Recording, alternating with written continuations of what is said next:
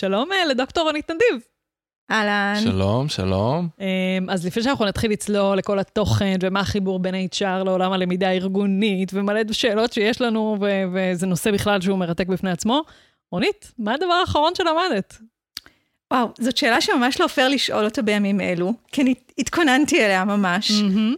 והתכנון המקורי שלי לפני הקורונה היה לבוא ולספר שאני למדתי סאפ. אבל... די. זה היה התכנון המקורי שלי, נערכתי לשאלה הזאת, באמת, אה, יואו, איזה כיף זה סאב. ותכננתי לעשות את זה, אבל אה, הקורונה קצת טרפה לי את הקלפים, ואני נאלצת לתת כי תשובה היינו קצת... אמורים, אני רק אסביר, היינו אמורים כן. להקליט מזמן כבר, נכון. ואז נכנסה נכון. הקורונה, וביטלנו את ההקלטות, ועכשיו נכון. אנחנו אחרי הגל הראשון של הקורונה, אנחנו לא יודעים מתי תקשיבו לזה, אז אה, אז זה כרגע ה timeline. אוקיי. ואז בעצם אה, התשובה שלי קצת פחות זוהרת. אה, אז בשבוע של הכי הכי סגר. אה, לקחתי קורס מקוון אה, של אוניברסיטת וורטון, שנקרא People Analytics, וואלה, ולמדתי את זה. מה זה אומר? People Analytics זה בעצם גישה שמבוססת נתונים לניהול אנשים במקום העבודה, זה אוקיי. ככה בכותרת. בגדול זה תחום שמאוד מתפתח בשנים האחרונות בארגונים, והרעיון הוא שאתה מנסה למצוא אה, תובנות ארגוניות באשר לניהול אנשים ביחס, בהתבסס על נתונים. וואלה. למשל, אני אולי כדי כן. אתן איזושהי דוגמה, למשל, אה, נניח אני יודעת שעזיבה של עובדים עולה לי המון המון כסף, אני יודעת Mm. גם לכמת את זה היום. אני מנסה לראות מה, בעצם אה, לחפש קשרים סטטיסטיים בין משתנים שונים, כדי לראות מה, מה משאיר עובדים יותר לאורך זמן. אז נניח עשו את זה בבנק שוויצרי ענק, mm-hmm. את, את הבדיקה הזאת, והראו שיש תופעה שנקראת סטיקינס. זאת אומרת, אנשים, ש, אה, אנשים שנשארים יחסית בבנק לאורך זמן, ובבנק זה יתרון, מהמם. אה, אז יש להם מאפיין מאוד מסוים, שזה אנשים שהצליחו לנוע בין תפקידים בארגון. אוקיי. אז התובנה למשל של הבנק הייתה, זה שכדאי אה, בדרך כלל... לעודד את זה? לעודד את זה ולצאת למכרזים פנימיים לפני שיוצאים למכרזים אז זה חיצוניים, ממש כאילו קבלת. החלטות, כן. ש- ש- שאנחנו מכירים אותו כבר על הסיפור של מבוסס נתונים, אבל זה קטע, לקחת את זה ממש לעולמות ה-HR הארדקור, ולפי זה לקבל החלטה.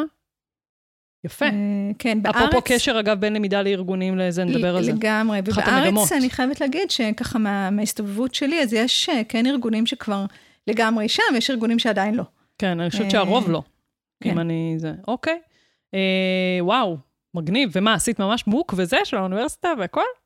עשיתי ממש, עשיתי את כל המטלות, זה קורס של חודש. רק על זה אני מעריצה אותך. זה קורס של חודש, עשיתי אותו בשבוע, כי פשוט לא יכולתי לקום מהכיסא מרוב שנהניתי. די. באמת? אז כן. עשית בינץ' כאילו? לגמרי, ו... וגם האמת היא, נורא נהניתי מהתוכן, אבל גם נהניתי מהתהליך, כי זה היה בדיוק בנקודה שאני הייתי צריכה לעבור ללמד מקוון. Mm, אז בעצם למדת אה, גם על איך לי- ללמד. זה הוריד לי את האסימ- את האסימונים, אם אתם יודעים מה זה. יודעים, יודעים. אה, אוקיי, אז כאילו... אורן אולי לא אה, יודע, אבל אני יודעת. יודע, יודע. אז הבנתי למעשה- תגזימי. אז הבנתי למעשה אה, איך כדאי לעשות את זה, ופיתחתי לעצמי איזושהי פילוסופיה של איך אני עושה את. המקוון. אה, אגב, זה אחלה רעיון. כאילו, אני בכלל אומרת שאנחנו נכון, כאנשי למידה צריכים. להתנסות בהמון המון המון המון דרכים ללמד, כי דרך זה אתה גם חווה את החוויה של הלומד, וגם באמת מקבל המון רעיונות באיך אתה מלמד, וגם את בתור, כבר נדבר על זה, בתור מי שמלמדת את התחום. מדהים. טוב, נכניס פתיח. תכניס פתיח. יאללה. את רינתיה, ואתה, אורן. והפודקאסט הוא פיצוחים.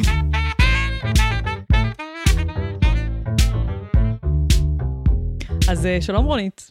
תספרי אה. לנו, מה את עושה בחיים? אמ, טוב, אז אה, היום אני ראשת המחלקה לניהול המשאב האנושי במכללת ספיר. רגע, תעכלו את המשפט. יופי, כן. כן, שזה בעצם, אה, ספיר היא המכללה האקדמית הגדולה בתחומי הקו הירוק. אה, בישראל, ובעצם בספיר עוברים מדי שנה בערך אה, קרוב ל-6,000 סטודנטים אה, בתחומים שונים. אה, ממוקמת בדרום הארץ, אה, הרבה מאוד חשיפה לאירועים ביטחוניים. אה, וואי, אתם חיים ממש תחת הדבר הזה. אנחנו חיים אה, על הגדר. זאת אומרת, מכללת ספיר ממש טכנית, אה, כאילו מבחינת המיקום הגיאוגרפי, חיה על הגדר. מה זה על הגדר? איפה אתם ממוקמים? ממש בפאתי שדרות. וואו, ממש... מאוד... זה מצער להגיד, אבל זה כאילו ממש...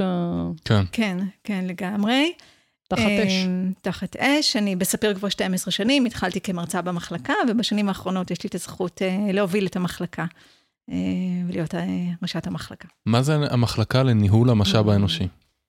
אוקיי, אז uh, המחלקה לניהול המשאב האנושי למעשה uh, מכשירה סטודנטים uh, לתואר ראשון, ובשנתיים האחרונות גם לתואר שני, בתחום של ניהול ופיתוח uh, משאבי אנוש. Mm-hmm. Uh, בתואר ראשון הסטודנטים לומדים uh, um, שלושה תחומי למידה עיקריים, משלושה אשכולות, אשכול אחד uh, שהוא האשכול המרכזי, uh, שמבוסס על uh, מדעי התנהגות והתנהגות ארגונית. מהמם. אשכול נוסף זה אשכול אה, למידה מעולמות הניהול, ואשכול שלישי זה מעולמות הכלכלה והפיננסים, וואלה. כי אנחנו מבינים שכדי להפוך להיות אה, איש משאבי אנוש משמעותי, אתה צריך שיהיה לך בעצם את הידע ואת הכישורים משלושת העולמות הללו. זה, אגב, רגע מעניין להתעכב על זה, את אמרת מכשירה. מסתכלת על עצמך כמכשירה לתפקיד? זאת שאלה מורכבת מאוד, והאקדמיה היום נמצאת בסוג של... אה, היא עומדת על הגדר קצת בעניין הזה. אה, אני אישית, אני מרגישה שאני במידה מסוימת כן מכשירה. אני לא חושבת שכל חבריי שעושים תפקיד דומה יגידו שהם מהמם. מכשירים, אה, אבל בסופו של דבר, לפחות מבחינת פרופיל הסטודנטים שמגיעים אלינו למחלקה, רובם רוצים אה, בסוף הלימודים לעסוק בתפקיד מסוים. אה, בתפקיד שקשור לעולמות משאבי האנוש על גווניו, רבדיו אה, השונים. אה, וזה יכול להיות, אני- זאת אומרת, בתפיסת העולם שלי, כל מנהל הוא גם מנהל משאבי אנוש, אז גם אם הם עושים אחרי זה תפקידים של אה, ניהול ניהול. צוותים, אה, צוותים קטנים יחסית כתפקידים זוטרים, אז בסופו של דבר הם משתמשים בכלים שהם לומדים אצלנו על מנת להפוך להיות למנהלים משמעותיים יותר. והנה עוד סיבה להריץ את רונית, חוץ מזה שהיא שוחה כל בוקר. אה, מדהים, איזה יופי. זה ממש לא מובן מאליו בעול, בעולם האקדמיה, באמת, ממש ממש לא מובן מאליו.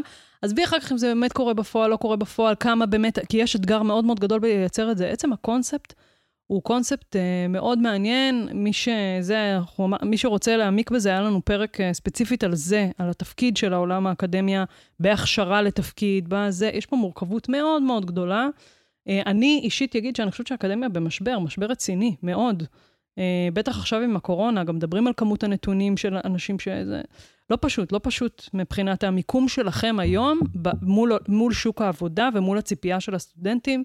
זה, זה ממש אה, שינוי בתכלית גדול ממה שנגיד היה כשאני לפני 20 שנה עשיתי תואר.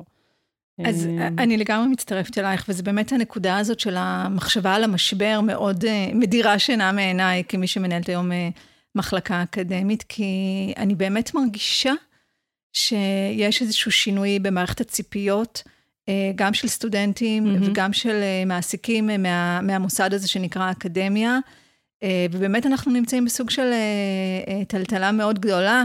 אה, אפילו התחלתי לקרוא עכשיו אה, ספר אה, מדהים של עוז ותמר אלמוג, שנקרא כל שקרי האקדמיה. ו- שהם גם כתבו את הספר על דור כן, ה-Y. נכון, ובכלל יש להם דעה מאוד שונה בנוף, והסתכלות מאוד אחרת על... נכון, אז הם, שוחטים עכשיו ואפילו את קצת הפרה, בוטה.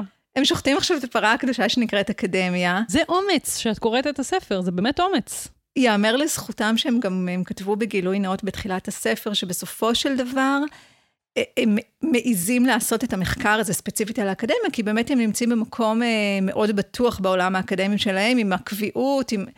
זאת אומרת שהכל נכון. מסודר להם, אה, זה לא מחקר שאדם צעיר יכול היה היה עושה אותו. לעשות אותו. הם מרצים באקדמיה? כן, הם כן. שניהם מרצים באקדמיה מאוניברסיטת חיפה. אה, בעולמות של סוציולוגיה וחינוך, והם פשוט שוחטים כמעט כל פרה קדושה. מי שרוצה קצת להסתכל וזה מעניין לראות כן. אותם בתוכנית דור ה-YYY, אה, יש להם שם... מעניין. זה אלה ש- שישבו על הרצפה? כן, אה, כן, אוקיי. שנראה כאילו זה שזה ב... כן. גם לי, זה עם שלים אפרופו, כן, מאחורה כן. וכזה, כזה. כן, כן. אוקיי. אז תואר אה, ראשון יש? תואר ראשון יש, אז זהו, יש גם תואר שני, אה, שהוא יחסית חדש, וזה אולי מתקשר באמת למה שעוז ותמר אלמוג טוענים, אה, אז יש- התואר השני שלנו יחסית חדש, זה נובע הרבה מ- מרגולציה. אה, לוקח זמן, אה, ל- זה ל- זה הריון יחסית ארוך, לייצר תוכנית לימודים אה, חדשה. אה, ובעצם התואר אה, השני שלנו עוסק בניהול ופיתוח ארגונים, יש שתי התמחויות, התמחות בייעוץ ארגוני והתמחות בניהול משאבי אנוש, וואו. והסטודנט יכול לבחור. אז כמה זמן התואר קיים, התואר השני?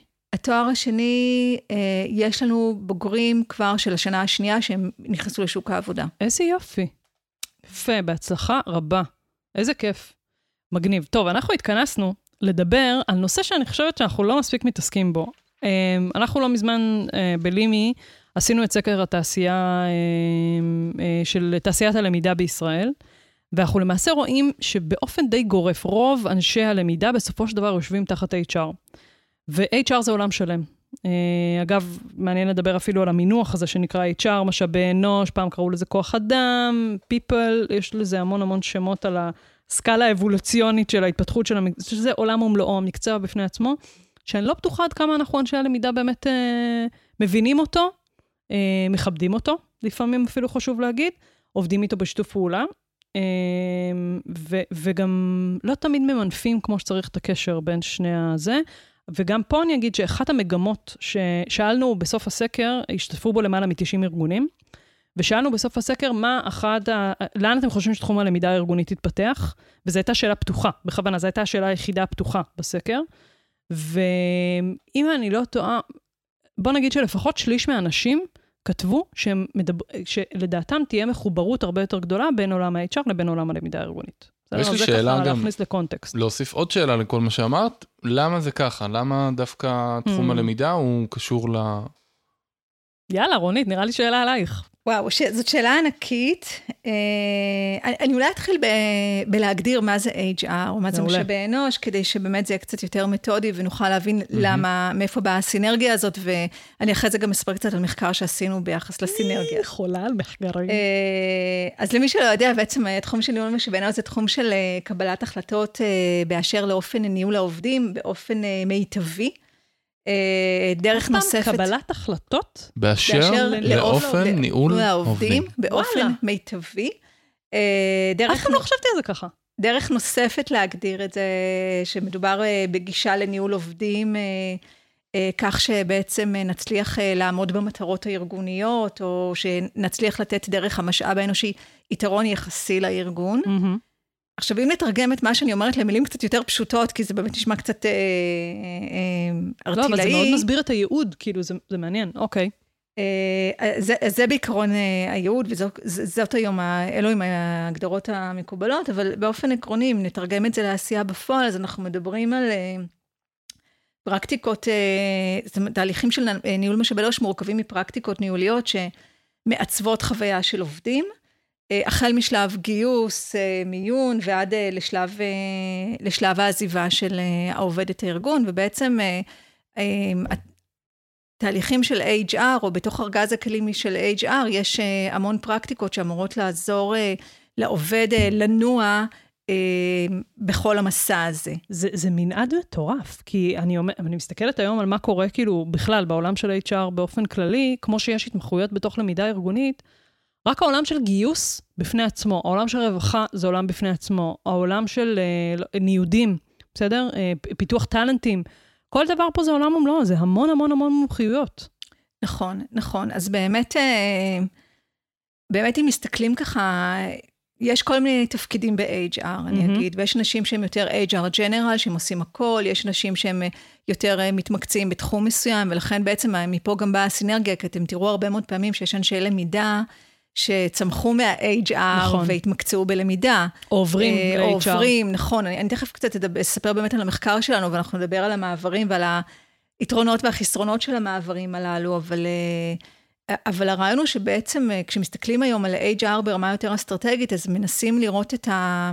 כמו לתפור את כל הפרקטיקות ה- המשאבי, המשאבי אנושיות השונות, מהמם. לכדי אה, גלימה אחת שתעלה בקנה אחד עם אסטרטגיה של ארגון. וואו. זאת אומרת, זה הכל צריך לדבר באותה שפה. אה, וזה כאילו, מאוד קשה. במילים פשוטות, לחבר את האסטרטגיה של הארגון למה שמשאבי האנוש עושים? לאופן שבו לאופן מנהלים שבו את העובדים. אולי, אולי אפילו קצת הפוך, זה בעצם לחבר את כל העשייה במשאבי אנוש, לרבות הלמידה, לטובת תמיכה באסטרטגיה של הארגון. אוקיי. אה, מעולה. אוקיי. ולהביא אותה לידי ביטוי בסוף נכון. בכל התהליכים האלה שתיארנו קודם. כשלמעשה היום גם מד- מדברים ב-HR אפילו על איזשהו שלב אבולוציוני מתקדם יותר, שמדבר על אה, א', HR כ- כשותף עסקי וכחבר אה, בתהליך קביעת האסטרטגיה הארגונית, ובעצם זה שאמור להביא את, את הקול של האנשים. זאת אומרת, אם יש. אסטרטגיה ארגונית, נניח האסטרטגיה אומרת של רכישות ומיזוגים, אז איש HR צריך לבוא ולתת את הקול שלו, אז בעצם איך האנשים יתפסו את זה, איך הקבוצה הנרכשת תתפוס את זה. זאת אומרת, יש פה באמת לנסות להביא את הקול של האנשים, ולא לאו דווקא לחשוב על המיזוג נניח של הטכנולוגיה, כי בדרך כלל כן, מיזוגים ורכישות נופלים על, על החיבור בין האנשים, ולא על החיבור בין הטכנולוגיה. גדול. אמ, אז זה, זה, מאוד בעצם... מתכתב עם, אה, כאילו, שוב, אני מסתכלת על עולמי כעול- בעולם הלמידה, על ערך מוסף, מה התפקיד שלנו, HRB, אה, אה, סליחה, learning business partner, כמה אני באמת נכנס ונותן את הקול הזה של למידה, זה, זה לגמרי שם, זה לגמרי תחת אותה מטריה.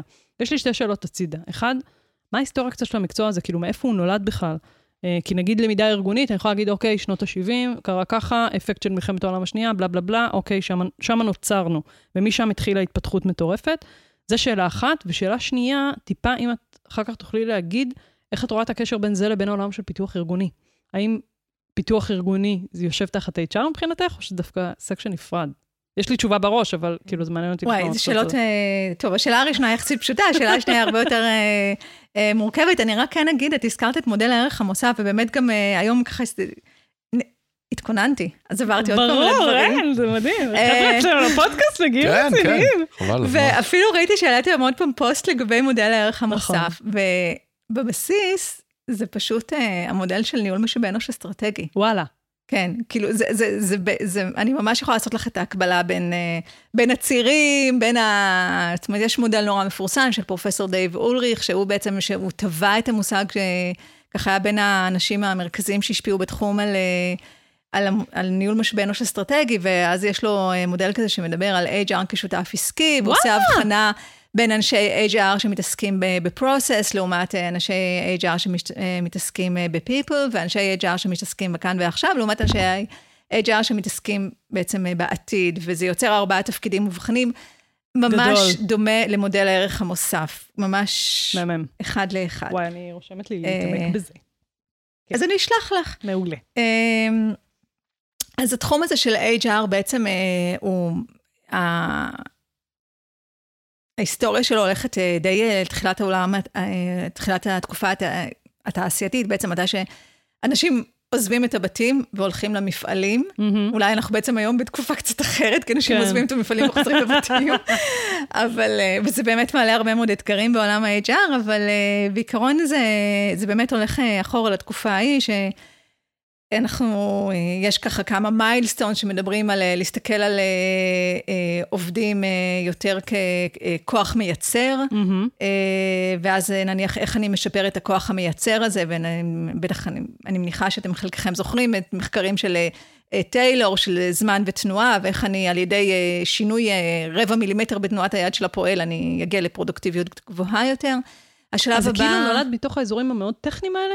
זה נולד משם, אבל מהר מאוד זה עבר לאזורים אחרים, כי מהר מאוד הבינו שהאדם הזה שמזיז רבע מילימטר את היד מהר יותר או לאט יותר, הוא, הוא אדם. אה, ואז בעצם זה מתפתח לגישה שנקראת גישת יחסי אנוש, שמבוססת על מחקרי הוטרון, שבעצם אה, אה, עצם, אולי המסקנה המרכזית שם זה שעצם ה... הקשבה או הסתכלות על אדם מאוד משפיעה על ההתנהגות שלו, ואז, אה, אה, ואז יש יותר מקום בעצם אה, להקשיב לעובדים ולנסות להבין את הצרכים שלהם, אני מסתכל יותר על הגורם המייצר הזה כגורם אנושי. אה, שוב, מתוך ההבנה שזה יותר טוב לארגון. מתוך הבנה שזה יותר טוב לארגון. אה, ואז אנחנו מדברים על תקופה מאוחרת יותר, נניח שזו תקופה שמדברת על הרצון, אה, על ההבנה הזאת שאם עובד הוא לא אה, אה, מחובר למה שהוא עושה, אז למעשה יש פה פגיעה ב, ביכולת שלו לתת את המקסימום שלו. שזה באיזה שנים כבר אנחנו מדברים, יש את אנחנו התובנה מדברים הזו? כבר, התובנה הזאת היא כבר יותר לקראת שנות ה-80 של המאה הקודמת, ככה. אה, ואז אנחנו מדברים הרבה על נושא של מדידה של שביעות רצון, וקצת אחרי זה מדברים על engagement, שאני חושבת שגם פה בקטע של engagement, של מחוברות של עובדים. אה, ולמידה, זה, לגמרי. זה הולך לגמרי ביחד, ואם תרצו אני אחרי זה ארחיב על זה. אה, והיום אנחנו בעידן האדם מחפש משמעות. אה, והרצון באמת של ארגונים לתת איזשהו מקום לביטוי לזהות העצמית והאישית של עובדים במרחב הזה שנקרא שהעידן עולם הזה- העבודה. מתי הוא התחיל ולמה? אני זה חושבת הכל ש... פשוט נורא מתכתב עם מה שקורה בתוך, העול, בתוך, שוב, הבועה הזו שנקראת למידה בארגון, שמן הסתם HR מאוד משפיע עליה, אבל זה קטע, את מדברת על זה, ואני אומרת, רגע, וואי, קודם כל זה עולם מקצועי שאני לא מספיק מכירה אותו, אני חייבת להגיד. אם השקעתי זמן בללמוד פיתוח ארגוני, לא, לא השקעתי מספיק זמן כנראה בללמוד HR, ואני חושבת שזה אחת התובנות שלי כבר עכשיו מהשיחה. אבל uh, אני כאילו אומרת, בואנה, בעצם למידה ארגונית מפגרת בצעד למעשה אחרי ה-HR, כאילו, מן הסתם. אני לא יודעת, כי אני, כאילו, אני מתארת לך כאן משהו נורא נורא אידילי, uh, state of the art, uh, אני לא יודעת אם תלכי uh, למפעל בדרום. ברור. אני מד... כאילו, אני כאילו- מדברת רגע מבחינה, נקרא, ה- הכיווני רוח, נכון. לאן הדבר הזה נושק. זה, זה נכון. אז מתי אה, היה השיפט, או, או יותר ההבנה שלה? אה, אז אני חושבת שזה באמת אפשר אה, לדבר על אה, דור המילניום, Mm. אני חושבת שזה נתן לזה בוסט מאוד רציני, גם ה- זה שאנשים רוצים אה, חוויות, אה, אה, מתייחסים לחוויה של עובד, מתייחסים למכלול התחושות שעובד מגיע איתו למקום העבודה, אה, זה שדור ה-Y נכנס ופתאום אה, בנוגע, בניגוד אולי לדור של, אה, אני דור ה-X, בסדר? אז בניגוד... שכאילו חונכנו של אה, עובדים אה, מצאת החמה עד צאת הנשמה, אז פתאום אנשים דורשים אה, התייחסות לעצמי שלהם, לפנאי שלהם. פנאי לא רק הוגדר, לא מוגדר כבר היום על ידי הדור הצעיר, רק על ידי זה שאוקיי, אם יש לך ילדים, אז זה, זה כן. בסדר לצאת. לא, זה בסדר לצאת גם לקורס כדורסל, או לחוג כדורסל, או אני לא יודעת מה. אה, שינויים טכנולוגיים, שבעצם גורם, אנשים צורכים היום, צורכים היום חוויות בצורה שונה. הם רוצים אה, שתהיה הלימה בין איך שהם, צור... איך שהם חיים את החיים שלהם לבין איך שהם חיים את מקום העבודה שלהם. ואם הם חווים פער גדול מדי, אז הם, הם, הם בעצם מחפשים מקום שיסגור להם את הפער הזה. כן. ואז אנחנו רואים באמת הרבה מאוד מעברים של אה, עובדים ממקומות עבודה, כי הם מחפשים מקום עבודה שיותר נותן להם את המקום הזה. מדהים. אוקיי, אז עכשיו הבנו בגדול כאילו את הזה, בוא נתחיל לצלול לתוך הסיפור של... אה, אה, רגע, סליחה, פיתוח ארגוני. פיתוח ארגוני. טוב, אז uh, אתם את יודעים, היופי הוא בעיני המתבונן. אוקיי. אז אם תשאלו איש HR, ואני יותר HR, אז אני אגיד שה-HR מוכל בתוך, זאת אומרת שהפיתוח הארגוני מוכל בתוך. ה-HR. Uh, אם תשאלו איש פיתוח ארגוני, אני לא בטוחה שייתן לכם כזאת תשובה, זאת אומרת, צריך לקחת את זה בחשבון. אבל אני כן חושבת אפשר שאם לדבר הרבה על מסתכלים, אופי אה, של יועצים ארגוניים, בסדר. אה, אני תכף, אה, אני אספר עוד שנייה על המחקר, ש... על המחקר. שערכנו באמת בחיבור בין ה-HR לפיתוח ארגוני, ואני חושבת שיש המון נקודות דמיון והשקה בין מה שקורה בפיתוח ארגוני לבין מה שקורה בלמידה, כי אם, זאת אומרת, אם מסתכלים ככה על, על איזשהו מבנה, אז בתוך המבנה של ה-HR, בדרך כלל נראה איזושהי מחלקה שעוסקת בפיתוח, לימודי, בפית- בפיתוח ארגוני ולמידה. אוקיי? אה, למרות שכן, כבר ראיתי מבנים ארגוניים שמראים שלפעמים הפיתוח הארגוני יושב בחוץ, או הלמידה יושבת בחוץ, וגם הרבה מאוד פעמים מסתייעים ביועצים חיצוניים. זה שזה- לרוב קורה בעיניי ארגונים מאוד, אה, ארגונים ביטחוניים, אה, הפרדה מאוד גדולה בין העולם של אפילו HR, הדרכה ופיתוח ארגוני, זאת אומרת, זה אפילו שלוש יחידות נפרדות לגמרי. אה, אני חושבת שזה עם הזמן אה, דווקא יותר אה, מתחבר. ורגע, תגידי לי אם זה באמת הראייה שלי היא הקלאסית הנכונה, לא, אין פה נכון, לא נכון, אבל באמת הקלאסיקה היא, זה שיש חטיבת HR, לא משנה, או יחידת HR, סמנכ"ל HR, סמנכ"לית HR, תחתיה יש את כל העולמות של גיוס, רווחה, כולי, למידה, ופיתוח ארגוני. אך, עומר לימד אותנו זה. זאת אומרת, זה בעצם יושב הכל תחת, דר תחת כפיפה אחת בדרך כלל. נכון, אוקיי. נכון, אפילו יש לי שקף נורא ידוע, תמיד בשיעורים שלי על אה, אה, מבנים ארגוניים של מחלקות HR, אז זה, וגם קלאסיקה. כל חיפוש גוגל הכי בסיסי שתריצי, זה הקלאסי. אוקיי. ברור שיש מקומות שזה קצת יוצא מן הכלל, מהמם. ויש מקומות אולי עתירי למידה. נדמה לי של- שדווקא ראיתי בארגונים שעוסקים יותר בשירות, ששם היקף הלמידה הוא מטורף, אז זה יכול לשבת קצת בחוץ. אז זהו, זה אצלנו, נגיד, אצלנו, אני אומרת פלאפון, אני כבר לא עובד שם עשר שנים, אבל אה, אז זה היה ככה. נכון, אז למשל... אבל עם הזמן זה דווקא הצטמצם. גם ב, אפילו בבנקים מתחילים לראות את ה, באמת החיבוריות היותר ויותר גדולה. מקומות שהם ממש מפעלי הדרכה, כמו ארגונים ביטחוניים, אה, צה"ל, אה, משטרה, כל אלה, עדיין אגף הדרכה הוא אגף נפרד, בגלל המפעל המטורף הזה של הדרכה, הכשרות כל הזמן, כשירויות, זה. זה באמת ממש נפרד באופן מובהק. אני, כן. אני חייב לשאול משהו, מה זה כזה קריטי? מה זה משנה אם uh, זה מתחת ל-HR, לא מתחת. ל-HR? למה אנחנו כאילו מנהלים על זה כל כך הרבה דיון? סליחה אם זו לא, שאלה... לא, זו שאלה חשובה. לא, זאת שאלה חשובה, ובעצם, אז, אז כאילו זה, זה, יאללה. זה מוביל אותנו ל- למחקר שרציתי לספר עליכם עליו. יופי, מעולה. אה, אז אה, את המחקר ערכתי אה, יחד עם אה, עמיתתי, חברתי, מתה עליה, אה, דוקטור שני קונה. אה, ו, ובעצם מה שניסינו לעשות, אני, אני כאילו ביותר אה, HR, היא יותר OD, Mm-hmm. וניסינו uh, לצבור uh, סיפורים, בעצם ראיינו המון uh, נשות HR ונשות OD, זה בדרך כלל נשים, סליחה אורן, נכון. uh, תחום מאוד מאוד נשי, וניסינו לשמוע, לראות את הסיפורים שלהם ולראות, uh, uh, היו לנו כמה דברים שככה עניינו אותם, א', uh, מה הם עשו בקריירה שלהם, איזה תפקידים הם עשו, ואיזה חוויות הם צברו במפגש בין הבעל לתפקיד השני. זאת מהמם. אומרת, אם את HR, אז ספרי לי על דוגמאות וחוויות שהיו לך עם OD ו- ולהפך. מהמם. OD זה אה, פיתוח ארגוני, פיתוח למי ארגוני, שפחות כן. אה, מכיר את הז'רגון. ו- ובעצם ניסינו להבין מתי זה מצליח, החיבור הזה, או החתונה הזאת, וואו. ומתי זה פחות מצליח. על זה עשיתם מחקר אקדמי? על זה עשינו מחקר אקדמי. האמת שזאת הייתה שנה מדהימה, כי כל הזמן נסענו בין מנהלות. משאבי אנוש ומנשות פיתוח ארגוני שונות, ונסענו ברחבי הארץ, וזה פשוט, אה, הכרנו ככה אנשים, נשים מדהימות, אה, עם קריירה מקצועית אה, מאוד מאוד מפוארת. איזה יופי. זה היה ממש מרתק. אז כמה ראיינתם? ראיינו בסך הכל יותר מ-40, וואו. יותר מ-40. בדרך כלל, בשלב מסוים התפצלנו כדי להיות יותר יעילות, אז אני ראיינתי יותר את הצד של ה-HR, כי זה מה שהיה לי יותר עשיר בפנקס הכתובות, ומה, Mm. ושני ראיינה את יותר את הצד של ה-OD, כי זה היה מהמם. הצד שלה. ואחרי זה בעצם עשינו ניתוח תוכן, וכל אחת לקחה את הרעיונות של השנייה, וניסינו לראות אה, מה, מה קורה כאן. אה, אז אני, אני חושבת שיש לנו כמה תובנות שמאוד מתקשרות לשאלה הבסיסית שלך, אורן, כי כאילו, באמת, מה זה משנה היום? אז א', אני מסכימה איתך, אבל כנראה שאנחנו בדעת מיעוט. Hmm.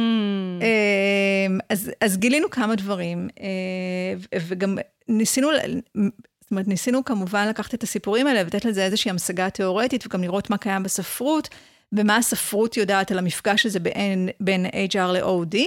אז אני, אני יכול, אני יכולות להגיד שהספרות לא יודעת הרבה על המפגש הזה. אה, זאת אומרת, אף אחד לא בדיוק מבין את הדינמיקה שמתנהלת בין, נשות, בין אנשי HR לאנשי OD. אני רגע עושה אה, שנייה עצירה הצידה, כדי להסביר שנייה את איך זה עובד. אני, אני עכשיו נחשפת לזה, בעלי עושה דוק, התחיל דוקטורט, ואני מתחילה להיחשף עוד יותר לעומק, וגם קצת הכרתי את זה מפרופסור גילה קורץ, את הסיפור של מחקר אקדמי. זה בואנה, זה טירוף, כאילו. אני, כאילו, פעם אחרונה שהפגשתי בזה היה אי שם בתואר הראשון שלי, בכלים הכי פשוטים של אה, זה. זה אומר ממש לבדוק, כאילו, מטעמים סטטיסטיים, להסתכל על הכל בזווית מאוד מאוד, כמה שיותר אפשר, אובייקטיבית, להכניס את זה לתוך איזה שהם, לא יודעת, תכולה שאני אחר כך יכול באמת להוציא ממנה ממצאים, זה עבודת נמלים. זה ממש עבודת נמלים. זה, זה עבודת נמלים עוד יותר אם אתה עושה, אנחנו במחקר הספציפי הזה בחרנו במתודה איכותנית, כי רצינו לשמוע את. הסיפור. אז זה עוד יותר עבודת נמלים, כי אתה צריך להגיע לנבדקים, ואתה צריך לשאול את השאלות, ואתה צריך אחרי זה להצליב, אה, להצליב, ולמצוא מגמות. ו- ולמצוא מגמות, ולראות, אה, רגע, אבל בעצם מה זה, לתת פרשנות, ומה זה אומר לנו, ול- ולנסות למצוא באמת גם את הפריים התיאורטי, שיוכל להסביר את זה בצורה טובה. זהו, אה, ובגלל זה, אחד הדברים שאני מתבאסת עליהם, זה שתחום הלמידה בארגונים, גם בעולם יחסית, הוא לא כזה נחקר. אין עליו המון, יש נכון. המון על למידה, בסדר? הלמידה באופן כללי, למידה, בטח פדגוגיה, סופר נחקר, חבל הזמן על עולמות החינוך, זה אקדמיה, סבבה. בעולמות של למידה בארגונים אין המון מחקרים בתחום הזה, שזה די מבאס, יש המון סקרים, אין הרבה מחקרים אקדמיים בתחום הזה, וזה מבאס, וזה ממש כיף לשמוע שיש מחקר שבטח מדבר על כזה דבר, נדיר, כאילו זה מדהים.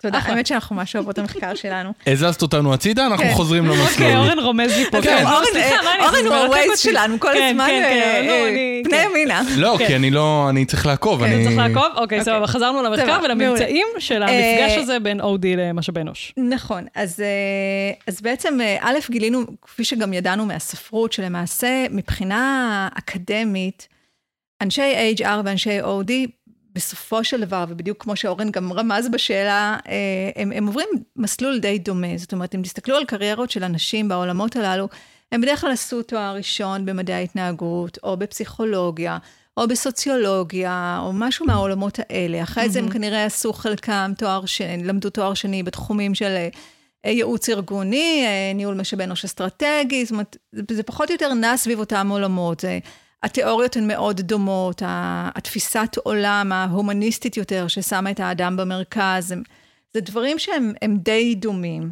אה, אבל איכשהו, אה, אה, בסופו של דבר, בחוויה היומיומית, כשאתה, יש לך את הטייטל ואת התפקיד שהוא שונה, אז זה מעצב אותך קצת אחרת.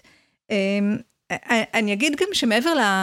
אני שנייה סוטה, אבל מעבר באמת לדמיון בהכשרה, אז יש גם הרבה מאוד דמיון במטרות. בגדול, גם איש mm-hmm. HR וגם איש OD, המטרה שלהם, מטרת העל, זה לאפשר לארגון להשיג את המטרות הארגוניות שלו באמצעות האנשים. זה basically, אה, וזה מאוד דומה גם להגדרה שנתתי בהתחלה של מה זה משאבי אנוש. אז המטרות הן זהות, האתגרים הם, הם זהים במידה רבה. Mm-hmm. למשל, נניח, אה, אפילו הדוגמה של הקורונה, אוקיי? שינויים מאוד מאוד מהירים בשוק העבודה, שינויים אה, במאפיינים של עובדים, שינויים ארגוניים שמתחייבים כתוצאה מהשינויים הללו. אז, אז כאילו, יש לכאורה המון נקודות השקה, גם בהכשרה, גם במטרות. את אומרת לכאורה, גם... זה מסקרן אותי. אוקיי. okay. אני חושבת שבסופו של דבר, זה מאוד תלוי מי אתה ואיך, ואיזה זהות אתה בוחר, אה, בוחר לקחת על עצמך, ואני בעצם, אני, אני תכף אסביר. אז כאילו מצד אחד יש המון המון נקודות השקה, ואני, כאילו כל תיאוריה בסיסית בפסיכולוגיה חברתית תגיד, ככל שיותר דומים, יותר נדבקים. Mm-hmm. אה, בגדול. אבל יש פה כן אה, איזשהו אה, אתגר אה, של שיתוף פעולה. אה, זאת אומרת, אה, וגם אה, זה מוזכר בספרות, אה, ש, שמצד אחד אה, יש אה, המון צורך בשיתוף פעולה בין הגופים, אבל בפועל לא תמיד יש אה, אה, סינרגיה. זאת אומרת, למרות התלות הרבה בין אנשי HR ל-OD, בפועל, כשזה מגיע לכדי מעשה, לא תמיד זה מצליח. ואנחנו ניסינו להבין מה, מה המנגנון שבעצם אה, זה לא מצליח. את החסמים uh, בעצם? את האתגרים את ללמה? Uh, את החסמים ללמה. עכשיו, לא ברמה הפסיכולוגית במובן של uh, רינתיה היא נוטה יותר לשתף פעולה ורונית לא. Mm-hmm. לא. לא ברמה הזאת, אלא יותר איזשהו מנגנון, uh, uh, מכניזם על, או מנגנון על כזה שבעצם uh, uh, מדבר על איך אנשים uh, מבנים את הזהות התעסוקתית שלהם. אוקיי. Okay. אמ, ומה שעשינו כדי לנתח את מערכות היחסים הללו, השתמשנו במושג שהוא שכיח מאוד בעולם של אה, עוסק בקונפליקט בית עבודה, mm-hmm. פחות שכיח בעולמות שלנו, אבל הוא כן קיים, זה המושג של עבודת גבול. אוקיי. Okay. עכשיו, מה זה עבודת גבול? ניסיתי לחשוב איך אני אסביר את זה, ונזכרתי בבן שלי, בבית ספר. אתם זוכרים את הקטע הזה שיש ילדים שמסרטטים קו על השולחן, וואי. ואתה אל תעבור לי, ואתה... הייתה לי כזאת מישהי מעצבנת שישבה לידי ככה ביסודי, בכיתה ג' ככה, כרבנית? לא, זה היה עוד שלמדתי בבית ספר חילוני. עזוב, יש הרבה דברים שאתה לא יודע עליי. אה, וואי, זה היה ממש מעצבן, היא אשכרה סרטטה את זה עם סרגל. true story. אוקיי. אז היא הייתה מאוד מדויקת גם. כן. אז בעצם בעיקרון, מה, הספרות מגדירה עבודת גבול מקצועית אה, כתהליך של הצבה וניהול משא ומתן, וניהול משא ומתן על הגבולות המקצועיים שלך. אוקיי. Okay. אה, ובעצם על הגבולות של בין תחומי ידע ומומחיות שונים. Mm-hmm. וכאילו יש כאן סוג של משא ומתן בין אנשי HR לאנשי OD לגבי איפה הקו הזה עובר והאם צריך להיות קו. אה, היה לכם הסתכלות בזה גם על עולם הלמידה? כי אני, כי, לעשות תוך כדי את ההקבלה או לחכות לסוף? אה, לא, לא, הנבדקים שלנו היו נשות OD. אוקיי. אוקיי? זה... בעצם במדגם של היועצים היו גם אה, אנשי, היו גם גברים אצל, במדגם של ה-HR היו. HR בכלל. בכלל. אבל uh, זה קטע, כי אני, אני, אז אני רגע כן אעשה כבר תוך כדי אפילו את התובנות שלי לתוך עולם הלמידה, זה לגמרי, לחלוטין, אני רואה את זה המון בארגונים, בדיוק את ה... עוד מעט תתעמקי בהגדרה הזו, אבל את ה... לדרוך על הרגליים אחד של השני ולחטוף קריזה מזה. ורגע, למה הוא ככה, ולמה זה, זה, כאילו, וואי, רבאק, תסתדרו. אה, זה מצד אחד. מצד שני, שוב, במקומות שבהם זה עובד, יכול להיות שאת תגידי באמת, בגלל ש... אני חושבת שאת משקפת לי ללמה זה עובד, כי הם פשוט ישבו והחליטו ביחד כנראה על הגבולות, או, או זה משהו הרבה יותר ברור, הרבה יותר נושם, ואין ריב על זה. כן, זה, זה, זה בדיוק זה. אוקיי. זה בדיוק זה. אז מה גיליתם? בעיקרון, כשאנחנו מדברים על עבודת גבול, אנחנו מדברים על הרצון לשמור על הנפרדות התעסוק, התעסוקתית שלך, לבוא ולטעון שיש לך גוף ידע עצמי, גוף אה, מומחיות אה, אה, משלך.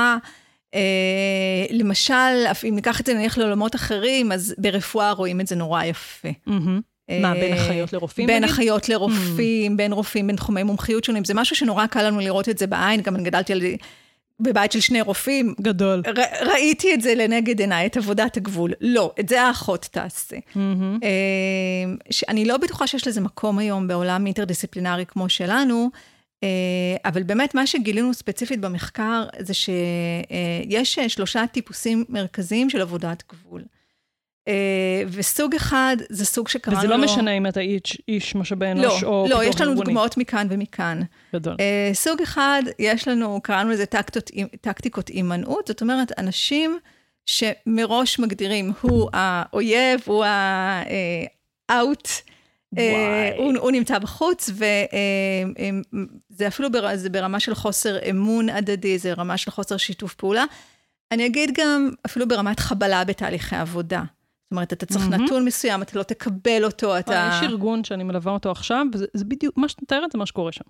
חבלה בתהליכי עבודה אחד של השני. כן, פשוט חבלה. כאילו, אה, וזה, אה, לדפוס הם קראנו לא מספרים אחד לשני לא דברים שהם עושים. מספרים, לא משתפים, אה, וואו. מעלימים בכוונה מידע, אה, אפילו זה ברמה של נניח אני צריך כבר לשבת עם ה-OD המעצבן הזה, אז, אה, אז בדקה ה-90 אני אודיע שאני מבטל את הפגישה. כל מיני טקטיקות כאלה של לנסות להימנע ו- ולא להיות ב- בקונטקט. רינתי, אני מבין שזה גם אה, תופס לאנשי למידה, חוץ. אז- לחלוטין, אני כאילו בראש מה שרץ לי זה אנשי זה אנשי למידה דווקא. כן. ואת מדברת על אנחנו ו-HR. אנחנו אוקיי. ראיינו HR ו-OD, כאילו שוב, אבל אני רואה כאילו כאן אדבר הקבלה... מהניסיון שלי בארגונים, אני גם, אני רואה לגמרי הקבלה בין זה, ועצם השימוש במונחים האלה, שאתה יודע, כאילו, הם גם מחקריים, יש להם תוקף, זה מאוד מאוד מעניין רגע שכל אחד שמקשיב עכשיו ינסה שנייה למקם את עצמו איפה הוא נמצא בין שלושת הטיפוסים האלה, למה הוא פועל דווקא ככה, מה גורם לו ארגונית לעשות את זה, ואיך הוא יכול לשפר את זה אם צריך. זה, זה סופר מרתק. אחלה, אוקיי. אז מה הטיפוס השני? הטיפוס השני, זה, זה כאילו, זה רצף, בסדר? מהמם. אז הטיפוס השני זה טקטיקות של יחסי ספק-לקוח, Hmm. ששם יש כן סוג של שיתוף פעולה ומידה מסוימת של יחסי אמון, למרות שהם אבל- תחת אותו ארגון. למרות שהם תחת אותו, לפ...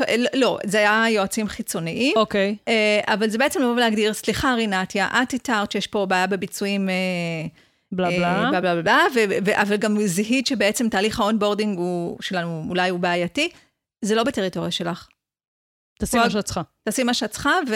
או אני אמרתי לך לעשות את זה, ואל תיכנסי לי למקומות אחרים. זאת אומרת, אני כן מקבלת את האוטוריטה שלך אה, אה, בתחום מסוים, אה, שבו הגדרתי מראש, ובעצם אה, הוגדרו יחסי הספק-לקוח בינינו, אבל בסופו של דבר, אל תצאי מהגבולות שלך. אה, אז אה, אני משתפת איתך פעולה, אני...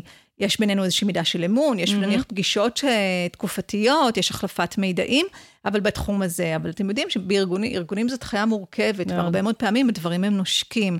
ואז אם ה, באמת, נניח היועץ רואה דברים שאולי יוצאים מגבולות הגזרה, והוא רצה להציע, אז פה הוא כבר אה, נת, נתקל בחומה. שאלה רגע, אה, שאלת עומק. בעצם, שוב, המחקר היה על, מה, מנהלות משאבי אנוש בארגונים? זה את ראיינת? כן, ושאני ראיינה יועצים ארגוניים? יועצים ארגונים חיצוניים. פריל... ח...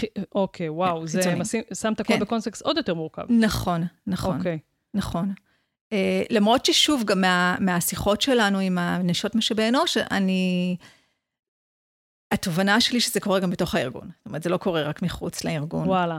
Uh, זה קורה גם בתוך הארגון, uh, כמובן כאילו שבתוך בהתייחסות הארגון... שלי לממשקי כן, פנים. שעובדים איתי. לממשקים, כן. זה אוקיי. בעצם מתקשר לנושא של עבודת ממשקים בסופו של דבר, עד כמה אני מציב את הגבולות, או אומר שאני גוף ידע שרוצה להיות אה, אה, נפרד וייחודי. אגב, באותו ארגון יצא לכם לנהל, ל- לראיין גם את המנהלת משאבי אנוש וגם את היועץ שלה לצורך העניין? לא, לא הצלחנו לעשות דיאדות. אוקיי. אה, יש לשני מחקר אחר. שאולי שווה לכם להזמין אותה, וואלה, אה, על דיאדות בין אה, נועצים ליועצים. וואו. וואו, כן. אוקיי. אה, זה מורכב. כן. זה, לא- זה לא הצלחנו, זה נורא נורא קשה להשיג את ההסכמה, כאילו צריך פה כן, הסכמה כן, כן, משותפת, זה, זה מאוד מאוד מסובך. אז שוב עכשיו אני עוד פעם אעשה את הרפלקציה אלינו לתוך עולם הלמידה. זאת אומרת, המנהלות משאבי אנוש יכולות, יכולות להיות אחראיות גם על למידה לפעמים. בהחלט. הבנתי, זאת אומרת, סבבה.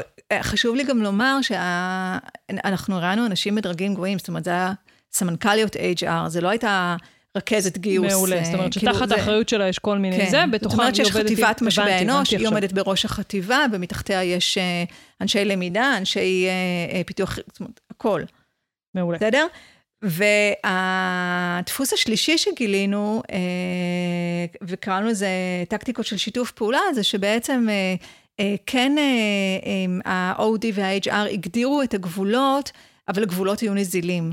זאת אומרת שהייתה רמה גבוהה של שיתוף ואמון, ובעצם בהבנה שאם אני רוצה לתת איזשהו ערך מוסף לארגון ו, ו, וגם לעצמי, ותכף אני אסביר למה זה גם לעצמי, אז uh, כן uh, הייתה העברה טובה של מידע, כן הייתה רמה, uh, מידה טובה של uh, שיתוף פעולה, mm-hmm. כן הייתה אפשרות, uh, הגבולות של אל תיכנס לי לטריטוריה, נהיו הרבה יותר נזילים, ש... והם אפשרו את ה... שראיתם איזשהו קשר בין זה לבין השיפור בעצם נגיד העבודה שלהם על הפרויקטים הייתה טובה או לא בסופו של דבר, אז, אם היה פה אימפקט ארגוני בסופו כן, של דבר. כן, אז תראי, לא, לא, לא יכולנו למדוד את זה ברמת הדולר, בסדר, כן, לא ברור. מדדנו, אבל ברמת החוויה, ברמת החוויה, אז באמת מה שראינו, שאנשים שהיו אה, אה, מאופיינים אה, בטקטיקות של הימנעות, הם גם בדרך כלל, הסיפור שלהם היה, טוב, נו, גם ה-OD, זה לא הצליח עם ה-OD הזה, גם בדרך כלל זה ה-OD הזה ש, אה, שלא ממש מבין אותי.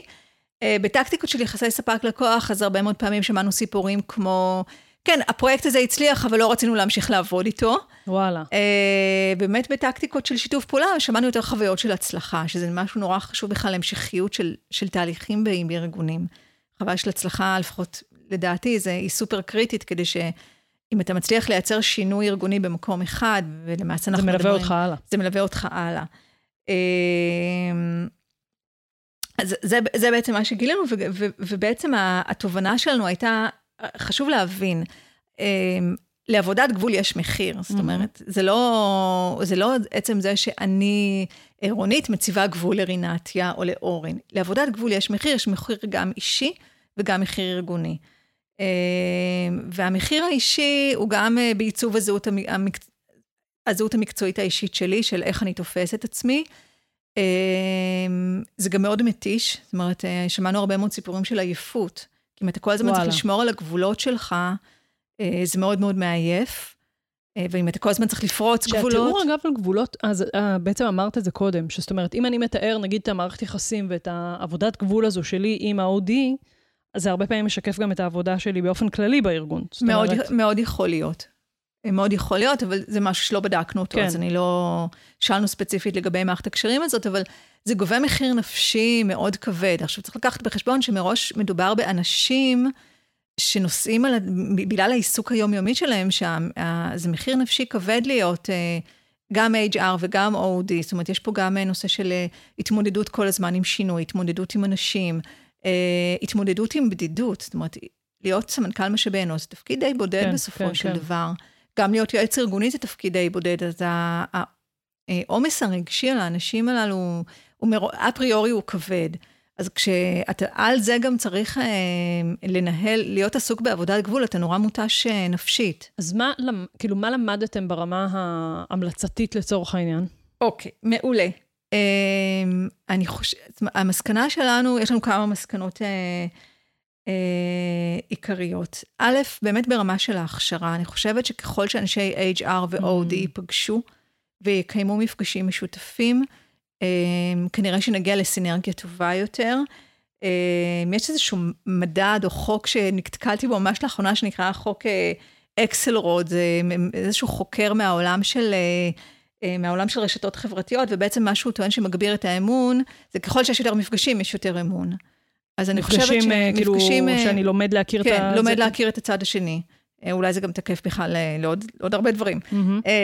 אבל באמת, נניח בתפיסת העולם שלנו, אנשי HR ו-OD צריכים לעבור הכשרות ביחד. אז אני אתן דוגמה ממש מעצמי, בסדר? אני למדתי פיתוח ארגוני בלהב לפני 2014, משהו כזה.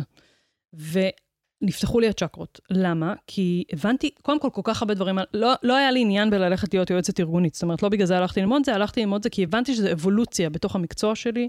זה תחום, אני ממש זוכרת, התייעצתי עם גדעון זיילר, התייעצתי עם יפית מולכו, אם באמת שווה לי ללכת ללמוד את זה או לא. קורס ארוך, להשקיע המון כסף וזה. אמ, ואני כל כך שמחה שעשיתי את זה. זה פשוט פתח לי את הצ'קרות לעולמות שלמים שהשלימו מבחינתי לחלוטין את המקצוע שנקרא למידה בארגונים. הם גרמו לי הרבה יותר לעומק להבין את התמונה המלאה. אז מה שאת אומרת לגבי ההכשרה, קודם כל, אני אתייחס רגע לזה ברמה הטקטית והאסטרטית. ברמה הטקטית, אני חושבת שאנשי למידה, אני, אני מדברת רגע על זה, צריכים להכיר מושגים מתוך העולם של פיתוח ארגוני, להבין שנייה את תהליכי העבודה שאנשי פיתוח ארגוני עובדים, לא ברמת הביצוע של זה, אלא ברמת. לייצר שיח משותף. כשיושב מול מישהו מפיתוח ארגוני, אני יודע והוא יודע לדבר, ביח... לדבר ביחד. אה, באות... כשהוא אומר אבחון, אני מבין למה הוא מתכוון, ואני לא חושב שזה אבחון כמו שאני בלמידה רגיל לעשות, בסדר? וכשהוא אומר את המילה התערבות, לצורך העניין, אני מבינה מה הוא אומר כשהוא מדבר על התערבות, אה, או שהוא מתייחס לפיתוח מנהלים בדרג כזה או אחר. אז זה ברמה הטקטית של אנשי למידה. עכשיו, מבחינת אבולוציה ורמה אסטרטגית יותר וזה, אני כן חושבת שאנשי למידה, בנקודה מסוימת, בסדר? בחיים המקצועיים שלהם, בטח שהם כבר סגרו את ה... וואלה, שולטים בעולם של למידה ארגונית. כמובן שכל הזמן יש מה ללמוד והכול. ראוי ונכון שישקיעו יותר בלהבין את הממשקים סביבם ואיך הם עובדים. זאת אומרת, ואני, שוב, אני נותנת דוגמה על עצמי, אני לא הבנתי, רק איזה, אני חושבת איזה שנה או שנתיים אחרי זה, התחלתי לראות ממש בפועל את הפירות של הלמידה לעומק של המקצוע הזה שנקרא פיתוח ארגוני, ואני בטוחה שאותו דבר יקרה לי אם אני אלמד לעומק את uh, עולם uh, ה-HR, שיש בו עוד המון המון תחומים שאני פחות שולטת בהם, כי זה כל כך מרחיב את העולם, וזה, אני, גם, גם פה אני ממש הכנסתי לתוך הקורסים שלי של למידה ארגונית, כלים לחלוטין מתוך העולם של פיתוח ארגוני. דוגמה קלאסית זה העולם של אבחון. בתוך למידה ארגונית, אין מודל מספיק חזק שמלמד אותך איך לעשות אבחון לתהליכי, אה, לתהליכי למידה, אוקיי? ובסוף הבאתי את הכלי הזה מתוך העולם שלמדתי בפיתוח ארגוני, הסתכלות הרבה יותר הוליסטית על הכאבים, הרבה יותר זה, ומתוך זה להבין שוואלה, לפעמים אני למידה בכלל לא הפתרון. ואז הרבה יותר קל לי לבוא לאיש הפיתוח ארגוני ולהגיד לו, שומע, עשיתי פה אבחון, בסדר? כי במקור חשבנו שזה פתרון של למידה.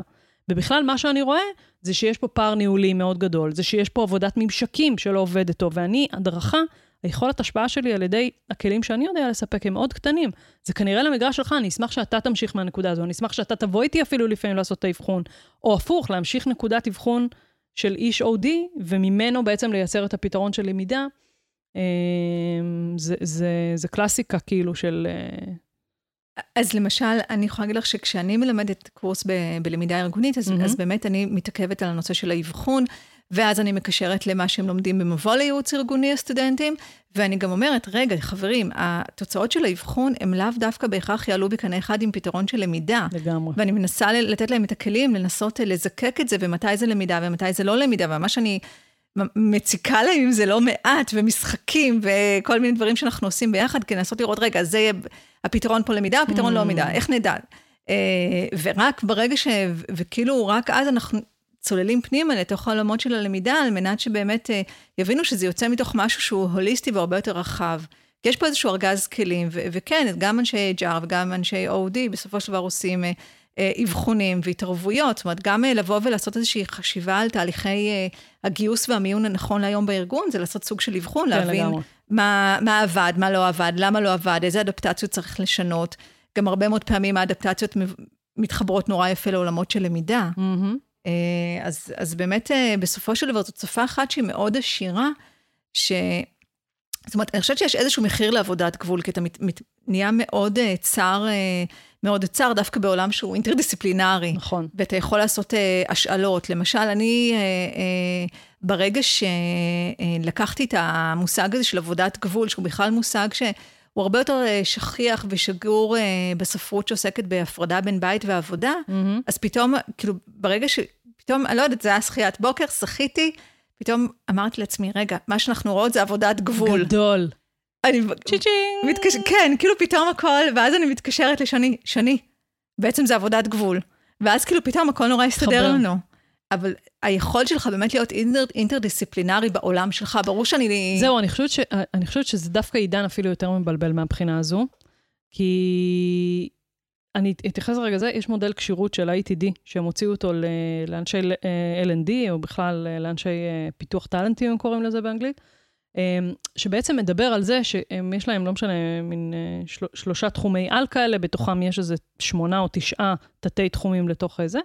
והוא אומר, תקשיבו, אתם צריכים, בכל ה checklist הזה שיש פה המטורף, אתם צריכים ברמת השפת ומושגים בסיסיים להבין בהם לפחות, זה הרמת basic שלכם. עכשיו תתמחה בלא יודעת, שניים, שלושה דברים מתוך כל הדבר הזה, ותדע לקרוא לבן אדם הנכון, או לקרוא לאיש מומחה הנכון, כשאתה מבין שזה הולך לכיוון הזה. זאת אומרת, האינטרדיסציפלינרי הזה פשוט, כאילו צריך לסדר אותו קצת אחרת, ולדעת גם לכבד את המומחיות של מישהו אחר.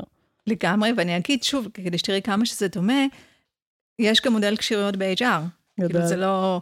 ואני חייבת להגיד, אני מכירה את שני המודלים, יש חפיפה די גדולה ב... במיומנויות שמצוינות ב core שם? skills ש, שמדברים עליהם שם, מבחינת אה, באמת גם מיומנויות טכנולוגיות, גם מיומנויות בין אישיות, זאת אומרת, זה ממש... אה, זה אותו hub, זה אותו אה, hub. זה- כן, זה, זה אותו דבר בדיוק, אז זה יושב ב-ATD, זה יושב אה, במודל, שנ- במחקר שנקרא אה, Human Resource Competency Survey.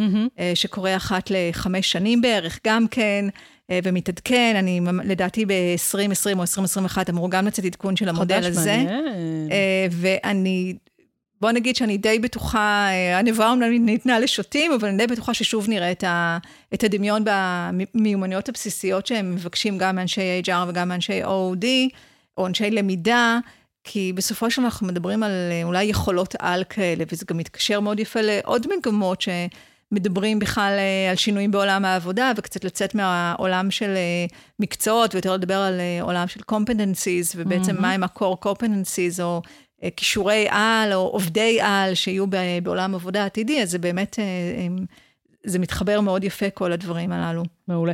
אוקיי, אז התחלת להגיד שזה אחד, אחד הממצאים שלכם, הסיפור של הכשרה והבנה משותפת אחד של השני. לגמרי. זה נשמע אולי טריוויאלי, אבל תיאום ציפיות הדדי. Hmm. אה, והרבה מאוד פעמים, זאת אומרת, גילינו ש... שכשניסינו להבין, אוקיי, אז למה זה לא עבד, אז כאילו, כאילו מראש לא הוגדרה, מראש הדברים לא היו מוגדרים, או... וגם אם ההתחלה לא הייתה טובה, הרבה מאוד פעמים היא השליכה אה, על המשך, ה... על המשך הקשר, ואני חושבת שאנשי HR ואודי צריכים לדעת גם לתקן בדרך. מהמם. אה, ולא רק, זאת אומרת, לפעמים ההתחלות הן לא טובות. אה, גמישות, גמישות, גמישות, זה אולי גם כן איזשהו סופר פאוור כזה בעולם שלנו, באמת היכולת להגדיר מחדש את הגבולות. זה שהגדרתם את הגבולות אה, בצורה מסוימת ופתאום המציאות השתנתה, אז באמת אה, שותפות ונכונות הדדית להגדיר שוב, להגדיר שוב את הגבולות. המילה גבול היא ממש קשה לי. כן. היא קשוחה.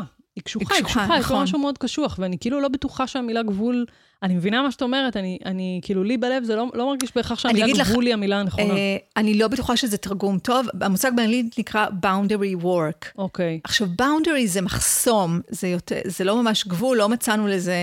בעברית זה נקרא עבודת גבול. כן, זהו, זה כאילו... באנגלית זה נקרא boundary זה גם לוקח work. אותי, אולי, שוב, בגלל הישראליות שלנו גם בזה, זה לוקח אותי כן. למקום שהוא מאוד, אה, כן, קווי 60 אה, זה, ככה, זה, כן. וכאילו, הייתי רוצה לייצר מצב של, אה, לא, אני צריכה לחשוב על מילה חלופית למילה גבול, שיותר תסתדר לי כרינתיה. אוקיי. כן. אבל, אבל באמת אני חושבת שנקרא לזה boundary, אז, אז אה, זה, זה, זה לא כזה קשיח כן. כמו גבול. אה, ואז אולי באמת זה מאפשר יותר את הנזילות של הגבול הזה. אה, אני חושבת שעוד ככה המלצה נוספת שאולי פחות, היא בעצם כן רלוונטית גם לאנשי HR ואנשי OD, מהמם. זה הנושא של התיאום ציפיות מול ההנהלה הבכירה. אוקיי. כי... למה? למה? כי הרבה מאוד פעמים ההתנגשות הזאת בין אנשי HR ו-OD אה, נובעת מהגדרה או מאיזושהי יצירת אה, קווי 67 כאלה, כמו שאת אומרת, אה, אפריורי, על ידי ההנהלה הבכירה. אז נניח המנכ"ל נורא לא מרוצה ממה שקורה בארגון, הוא מביא יועץ ארגוני חיצוני. ואז המנהלת משאבי אנוש נורא נלחצת. Mm. כבר ואז... התחלנו ממקום לא טוב מול כן. המנהלת משאבי אנוש, כי המנכ"ל הביא אותו. כן, אז זאת אומרת, יש פה המון, אה, אה, אני חושבת שיש פה המון מקום לסוג של אה, הידברות ושותפות בקשר הזה בין ה-HR ל-OD, ו- ויחד עם ההתממשקות עם ההנהלה הבכירה, כי בסופו של דבר אנחנו מדברים על יש אנשים פה מסר פעמיים, בכירים. אני חושבת. רגע, אני מסתכלת אפילו על ארגונים ש... אני, שנגיד סמנכ"לים הנחיתו אותי על אנשי הלמידה, או הנחיתו אותי על אנשי ה-HR, אמ, ויש פה מסר פעמיים. פעם אחת, של היחידה או האיש עצמו של ה-HR, שנייה תקבל ותקשיב, למרות שזה לא אתה בחרת ביועץ הזה. תבין, גם מעבר לזה, כאילו, אל תהיה טמבל. בוא, המנכ"ל הזמין אותו, הסמנכ"ל הזמין אותו, הוא בסוף הלקוח שלו, אתה לא רוצה לצאת רע מהעניין הזה. זה פעם אחת. פעם שנייה, עבור היועץ שמגיע, זה, זה מילה שכל הזמן רצה לי בראש, הסיפור של להיות מאוד מאוד מאוד מאוד צנוע. ממש להיזהר, כאילו, באמת, אתה כאילו צריך להסתובב שם, מצד אחד להגיד את הדברים והכל וזה, אבל באמת בצורה מאוד מאוד צנועה, מאוד uh, זה כי, ובאמת לגלות אמפתיה גם לסיטואציה, ש... ש הוא, לא, לא הבן אדם שאתה עובד איתו עכשיו ביום-יום, למרות שהמנכ"ל הוא לא- זה שהזמין אותך, הוא לא הזמין אותך. הוא לא רוצה אותך פה, זה מישהו אחר רוצה אותך פה, ו- ובסוף את כל האבחון ואת כל הזה, אתה אמור לעבוד בשיתוף פעולה ביום-יום עם מישהו שלא מבין אפילו לפעמים למה הנחיתו אותך עליו. אז זה, יש פה איזה ריקוד מאוד מאוד עדין בין שני הגופים האלה. לגמרי. אני חושבת, באמת, אה, ואז אנשים ככה, זה גורם לאנשים לפקפק במקום שלהם, במקצועיות שלהם, בזהות שלהם כאיש, אה, גם אה, בזהות הארגונית, אבל גם בזהות המקצועית. אחד הדברים של אחד הסיפורים שהכי עיממו אותנו במחקר הזה, הייתה באמת אשת משאבי אנוש באיזושהי חברת הייטק, שגם כן המנכ"ל הנחית עליה יועץ. אה, יועץ, יועצת, ו... ותוך חודשיים היא מצאה את עצמה בחוץ והיועצת החליפה אותה. אז, אז כאילו יש פה באמת איזשהו... או-אה, או-אה. כן. עשוי אאוץ'. לקרות, לא? אה, נדיר, אבל כן. אה, כאילו זה לא, כבר שמעתי על זה, ב- בעיקר בהייטק אגב. יש קטע כזה, פחות סנטימנטים. כן, פחות סנטימנטים, במיוחד של המנכ"לים, וגם של היועצים. יש שם פחות, עובד יותר כאילו strict כזה.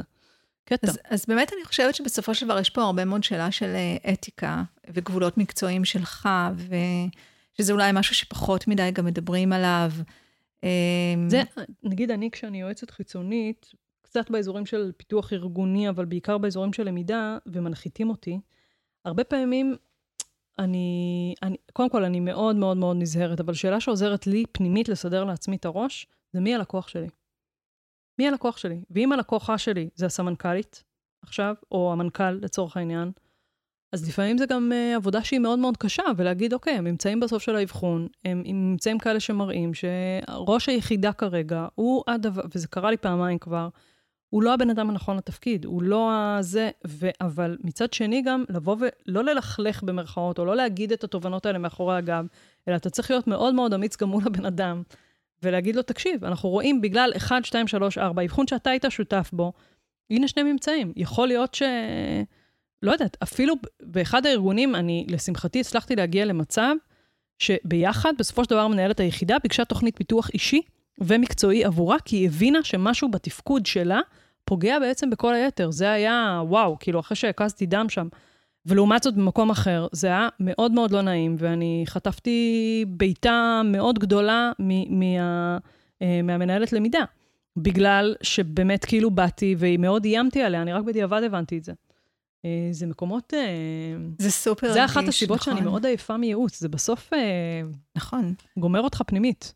אני חושבת אבל ברגע שאתה כן יודע לעשות את השותפות הזאת ולבנות מערכת יחסים, נכון. אומרת, וגם יש סוגים שונים של לקוחות. זאת אומרת, יכול להיות שמנכ"ל הביא אותך, אבל בסופו של דבר, ביום-יום, את עובדת עם. ה-HR.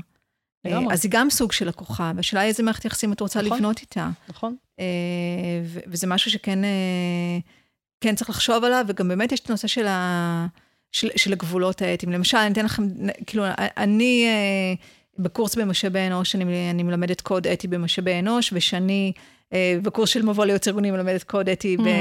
אה, בייעוץ ארגוני, ו- והרבה פעמים אנחנו, איך, אה, אנחנו מנסות גם לראות את ההתממשקות בין ה... ויש התממשקות, הרי בסופו של דבר, כן, הערכים הבסיסיים אה, של הומניזם ו... והרצון להצמיח אנשים, הוא קיים גם פה וגם פה. צריך אה, לזכור את זה. וצריך לזכור את זה, כן. לגמרי. אה, זה פשוט אולי, אה, זה, זה מה שצריך לעשות. רגע, אני עושה סיכום ביניים, אז מבחינת, זאת אומרת, קודם כל שימו לב להכשרה ואפילו לידע שאתם נחשפים אליו, ומה זה לדעת לדבר בשפה משותפת מקצועית, אה, גם להבין לפעמים שהמכנה המשותף הוא מאוד מאוד רחב. דיברנו על תיאום ציפיות, בעיקר בתחילת הדרך, ואם הוא לא בוצע כמו שצריך, להיות מספיק חכמים במעלה הדרך לבצע את זה מחדש, וגמישות, גמישות, גמישות. זאת אומרת, כן, מצד אחד יש פה עבודת גבול, ומצד שני, יש מקומות שצריך קצת לשנות את ה... כאילו, הנהר יזרום טיפה אחרת, ו... אבל בצורה שזה יהיה בסדר ומקובל על שני הצדדים. אה, ואתיקה. אה, וגם כמובן תיאום ציפיות מול ההנהלה בחרתי הבכירה. לא לזכור את האתיקה, כן? סתם, סתם. ותיאום ציפיות מול ההנהלה. תיאום ציפיות מול ההנהלה זה מאוד חשוב. וגם באמת, אה, אני חושבת שההבנה מי הלקוח שלך, ולהבין שיש סוגים שונים של לקוחות, וכנראה מול לקוחות שונים אתה צריך להביא פרסונה קצת אחרת. כן. אה, אבל אני חושבת שזה קשור בכלל לכל המקצועות שנמצאים בהרבה מאוד התממשקויות עם, עם אנשים. זאת אומרת, נכון. הפרסונה שאני מביאה לישיבת הנהלה, זה לא הפרסונה שאני מביאה למפגש עם הסטודנטים, בסדר? לגמרי, זה... לגמרי. לגמרי, לגמרי. לגמרי, לגמרי. אז גם זה- בייעוץ אתה זיקית. באמת... כן. כן, אבל זיקית, אה, ש- שאגב, זיקית, שאתה אה, אסור לך לשכוח מי אתה. כן. כאילו, מי הזיקית פה. נכון, כן, נכון. אבל, אבל כן צריך לדעת איך לדבר עם כל בן אדם ואיך לפנות אליו, ואני כן. אני מרגיש את זה גם כשאני בא ומעביר קורס. בכלל לא, לא כאיש למידה בזה, אבל אפילו מעביר קורס ויש עוד איזה בעל תפקיד שהיה אמור להעביר קורס, או שאמור להעביר קורס אחריי, או, ש, או שגם לי יש say ב, ב, בסביבה הארגונית, אז כן צריך לדעת איך לפנות לאותו בן אדם ואיך להביע כלפיו אמפתיה. אני חושב שהצניעות שדיברת עליה, זה דרך, זה דרך אה, אה, כדי להתחבר, ואני חושב שיש עוד דרכים לעשות את זה, ו, אבל זה לגמרי מיומנות. כן, זה, במיוחד שאנחנו צריכים, שוב, לשכלל אותה מאוד, כי אנחנו אנשים שמטפלים באנשים. זה ב- בכל המנעד המאוד רחב של זה. אוקיי, וואו, חתיכת מחקר. אה, כן. מתי סיימתם אותו? סיימנו את המחקר לפני שנתיים בערך, מהמם. אבל יש gap מטורף בין רגע סוף, ס- כאילו עד הרגע שאתה בעצם מסיים לעשות את המחקר, עד שאתה כותב את המחקר ועד. שהמחקר מתפרסם. אז מתי הוא פורסם? הוא פורסם לדעתי אה, ממש אה, לא מזמן. וואלה. כאילו, אני לא יודעת, ש- ש- שאני עוקבת אחרי הסדר, אני יותר גדול. הרעיונאית בעניין הזה. אוי, איזה שילוב. אה, וזה כן. זה מפורסם באינטרנט? איך זה הולך? אה, טוב, אז אם תקרא את, את הספר כל שקרי האקדמיה, אתה תבין שיש פה איזשהו, גיל, יש כאן איזושהי גילדה, זה מפורסם בכתב עת אקדמי, מהמם. אה, שעולה כסף להוריד אותו, אבל אה, אורן, לך נשלח במייל. תודה רבה, תודה רבה. אמ, וכאילו יש קטע כזה, ככל שאתה מפרסם יותר מחקרים, אז אתה באמת מתקדם אקדמית, ואתה צריך לצבור אה, זה. חבר'ה, עולם נכון, גם האקדמיה, גם על זה הם שוחטים שם עוד כמה פרות כן, קדושות, כן, כן. וכן. עולם זה- האקדמיה הוא עולם ומלואו. כן, עולם. ומלואו. יש, את לא חייבת להגיב, רונית, אבל אני שמעתי מישהו שאמר שזה, והוא עבד עם המון המון ארגונים, שזה החיה הכי פוליטית שהוא ראה מימיה. זאת אומרת, אה, זה, אקדמיה זה באמת אה, משהו... זהו, זה, זה. אני לא יודעת אם לומר אם זה פוליטי, אבל זה, אה, זה מתיש, וזה תמיד נטול כסף, כן. וזה מעייף. אה, אז אולי זו הגדרה לא, לפוליטי, צריכה אני להיות לא יודעת, תשוקה אבל... מאוד אה, מאוד כן. גדולה, גם כדי ללמד וגם כדי לחקור. נכון. אה, ואגב, לא תמיד זה בכלל מסתדר, זאת אומרת, מישהו שחוקר מדהים, יכול להיות מלמד מעפן והפוך, כאילו זה... נכון, אבל טוב, זה, זה ממש נושא לפרק אחר, אבל באמת, ספציפית בארץ, אנחנו חיים בסוג של פיצול כזה אישיות בתוך האקדמיה הישראלית, מאז שנפתחו כל המכללות הציבוריות. אבל זה ממש, אני פה יכולה לגלוש... אה, או-אה, או-אה, כן, אני מרימה גבות פה, כן. אה, במהירות. אה, מדהים. אז בעצם, אם השאלה שלי הייתה, מה הקשר בין HR לבין למידה ארגונית, קודם כל יש קשר מובהק, זה מן הסתם, ידעתי את זה גם קודם, אבל אני נכנס, כאילו, נכנסתי לפודקאסט ב- ב- במחשבה אחת, ועכשיו אני יוצאת עם כיוון קצת אחר, לגבי באמת הסיפור הזה שאמרת על העבודת גבול. אה, אני חשבתי תוך כדי לאיזה מילה, כאילו זה, ואני כאילו מסתכלת על זה כעבודת, אה, נקרא לזה קו, מטוש... קו אה, מקווקו, לא מטושטש, מקווקו. כי זה חוזר למה שאמרת לגמישות, וליכולת הזאת כל הזמן לעשות תיאום ציפיות והכל, וזה שזה כאילו ה-obvious, אבל וואלה, אנחנו לא עושים את זה הרבה פעמים, וזה פשוט מחבל, ב, ב, אפרופו שלושת הטיפוסים האלה שדיברת עליהם, זה מאוד מחבל בעבודה היומית, ובסוף פוגע בעובדים ובארגון. אה, וזה עבודה לא פשוטה, אה, אני אומרת את זה גם בתור מי שהייתה יועצת, בתור מי שפעם עבדה בתוך ארגון ועבדה עם יועצים וזה. אה, היא מאוד מאוד מעניינת, ואני גם לוקחת מפה עוד את הסיפור של ה... להיכנס יותר לעולם של ה-HR, להבין, כאילו, את מדברת פה על מודלים שמה, רינתי, איך לא, כאילו, זה מעצבן אותי שאני לא מכירה אותם. אה, ואני מבינה באמת צריכה ללמוד את זה יותר לעומק. אה, מגניב. יש באמת המון דמיון, נניח במודלים הבסיסיים. מהמם. אני, אני פשוט מלמדת גם וגם, כן. אז אני ממש רואה את החיבור ביניהם, ואני חושבת שגם אה, הרבה מאוד אה, דברים שהם היום אה, בקו החזית, נניח, של HR, כמו למשל משמעות בעבודה, הם, מהמם. הם לגמרי מדברים עם הנושא של הלמידה. כן, כי למידה היא אחד הדברים שבעצם... כי למידה היא אחד הדברים שנותנים לאדם משמעות. למשל, יש תיאוריה נורא יפה של engagement, שאומרת ש engagement בנוי ממשמעות, מביטחון וממשאבים, אה, זמינות של משאבים שיש לעובד. אז, מהמם. אז למידה בעצם מקנה את כל הדברים הללו, כי למידה מקנה לעובד משמעות. אה, ביטחון תקשיבו, מקצועי, ביטחון, אה, ביטחון, היא מקנה לך ביטחון אה, מקצועי, ביטחון אה, ב- ביכולת שלך לעשות דברים, אה, מאוד אה, אה, משפיעה לחיוב על החוללות העצמית שלך. וגם היא מקנה לך זמינות של משאבים, כי יש לך משאבים אה, להתמודד עם, הש, עם השינויים בסביבה. אז אה, אני חושבת שהדברים האלו הם ממש מדברים אחד עם השני.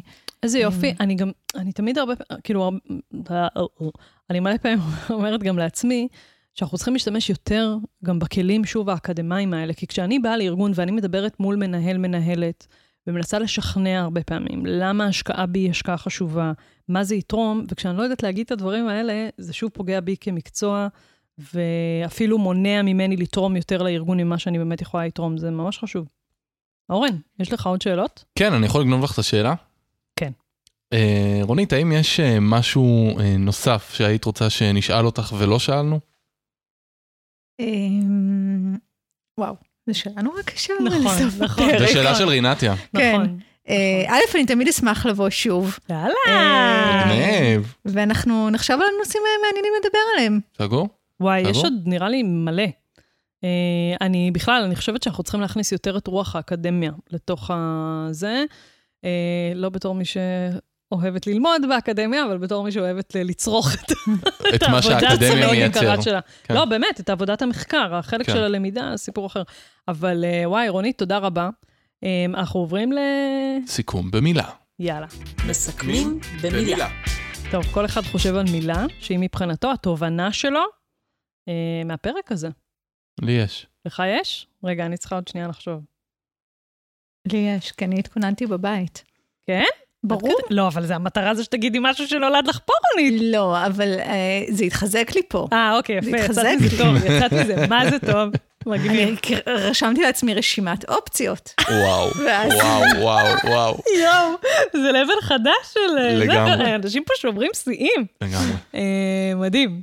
אה, טוב, יאללה, אורן, תתחיל. אז המילה שלי, אה, שכבר, אני חושב שזה פעם אה, שלישית, ויכול להיות שמגיע לי פה גלידה, מהמם, אה, זה שילוביות. אוקיי. שילוביות, כי עוד פעם, אה, זה, זה מתקשר לשאלה שלי, ואני חושב שקיבלתי תשובה אה, שמסבירה למה אנחנו צריכים כל הזמן את השילוביות הזאת בין המחלקות השונות, בין התחומים השונים. אה, אה, למה, כאילו, למה אולי צריך קצת לפרוץ את הגבולות האלה ולא להסתכל מה ששלי שלי ומה ששלך שלך, אלא יותר לעבוד בשיתוף פעולה כדי לייצר את הדברים היותר טובים. אה, מי אמר לנו שאחד ועוד אחד זה לא בהכרח שתיים, אלא לפעמים שלוש וארבע? אין לי מושג. אמרו לנו את זה, אמרו. נכון? כן? אוקיי, סבבה. מאמינה לך. המוח שלי פירה פשוט. בסדר. אחלה. מה המילה מגניב. שלך? אה, אני מתלבטת בין שתי מילים. מהמם. אחד זה בטהובן, כי זה הכלב של רונית, והוא חיבר בינינו בלי שאנחנו בכלל... אה, כי רונית הרבה פעמים מקשיבה לפודקאסט, כי היא מוציאה לטיול את הכלב, את בטהובן. אז בטהובן, אנחנו אוהבים אותך. מודים לך. הוא גם שומע אותנו? אה, אה, קבוע. כן, קבוע? איזה. יופי. אין. פרק שהוא לא מכיר. מגניב. גדול. Um, אבל המילה שלי באמת זה אקדמיה. Um, כי אני, אני מעריצה אתכם, אין לי מה להגיד. גם, גם המערכת שבה אתם פועלים מאוד מאוד מורכבת, גם ספציפית ספיר uh, וכל הסיפור שלכם uh, שהוא מאוד מורכב, אבל בסוף אני, אני מרגישה עכשיו שכאילו נהניתי מפרי מאוד מאוד יקר מהדבר הזה שנקרא אקדמיה, והוא תורם לי לביצועים שלי בסופו של דבר. ומישהי שיושבת מולי פה ועשתה מחקר וחוקרת את התחום הזה ומלמדת את התחום הזה, יש לי באמת הערכה מאוד מאוד גדולה כלפי הדבר הזה, וזה תענוג שנהנינו מפרי כזה. אז תודה. וואי, אני ממש מסמיקה. מה אה, המילה שלך, רונית? א', איזה אופציה בחרת? כן, אני- איזה אופציה בחרת? לא, אתם יודעים, אני רגילה לעשות מבחנים אמריקאים וזה, אז גדול. כאילו אני... לפני המילה להגיד תודה או להגיד קודם את מה המילה? שבא לך. כי- מה אני. ממש... עם האמת שלך, רונית. לא, אז אני חייבת להגיד תודה, כי ממש אה, נהניתי לדבר איתכם, ו... איזה כיף. ונהניתי לספר על המחקר שלי, ובדרך כלל אה, מחקר נשאר הוא די... אה, זאת אומרת, כנראה שאפילו אימא שלי לא קראה את המאמר, כן. אז הנה, עכשיו יש לה יכולה לשמוע אותו בפודקאסט. לגמרי. אז אולי יש יותר סיכוי. לגמרי. אה, אבל באמת, אה, בדרך כלל מחקר אקדמי נשאר אה, ב- בז'ורנלים אקדמיים, ואני חושבת שבסופו של דבר יש לנו מטרה כן להפוך את, להפוך את להפיץ העולם, אותו. להפיץ, כן, לה- להפיץ אותו, ובעצם שאנשים ישתמשו ב- בתובנות הללו. והמושג אבל שאני חשבתי עליו, זה בסדר באנגלית? ברור. אז אני חשבתי על partnership, אוקיי. אה, ו- וזה מתקשר לי פשוט גם, ל- כאילו partnership גם בין אה, תחומי עיסוק שונים, מהמם. אה, וגם ה partnership בינינו, שככה התחיל באיזשהו מין טנגו משולש כזה, נכון. בחיבור בין אנשים, בין אה, אה, עולמות שונים. זה מתקשר לי גם באמת לתפקיד של אה, גם אנשי HR וגם אנשי OD, להיות פרטנרים משמעותיים בארגון ולהביא ערך לבעלי העניין הרלוונטיים. זאת אומרת, זה נראה לי פשוט מתאים אה, מכל אספקט שהוא. בחרת אחלה מילה. מעולה. יופי. וואו, אז ממש תודה על תודה. ה partnership בפודקאסט הזה. תודה רבה, היה אה, מעולה. וואי, ורוני, תקשיבי, כל מחקר נוסף שאת עושה, אנחנו רוצים להיות הראשונים ששומעים עליו. כי אני חושבת שבאמת יש פה ממש אה, יכולת להנגיש לאנשים, אה, שוב, בדברים האלה שאי שם במאמר, בתשלום וזה, וואלה, מי ייגש לזה? אבל הרבה פעמים שמוציאים על זה תקציר או פודקאסט וזה, זה באמת תובנות שאנשים יכולים לקחת אותם מחר בבוקר וכאילו, שוב, ליהנות מהפרי הזה. אה, תודה רבה. תודה רבה. ביי. ביי.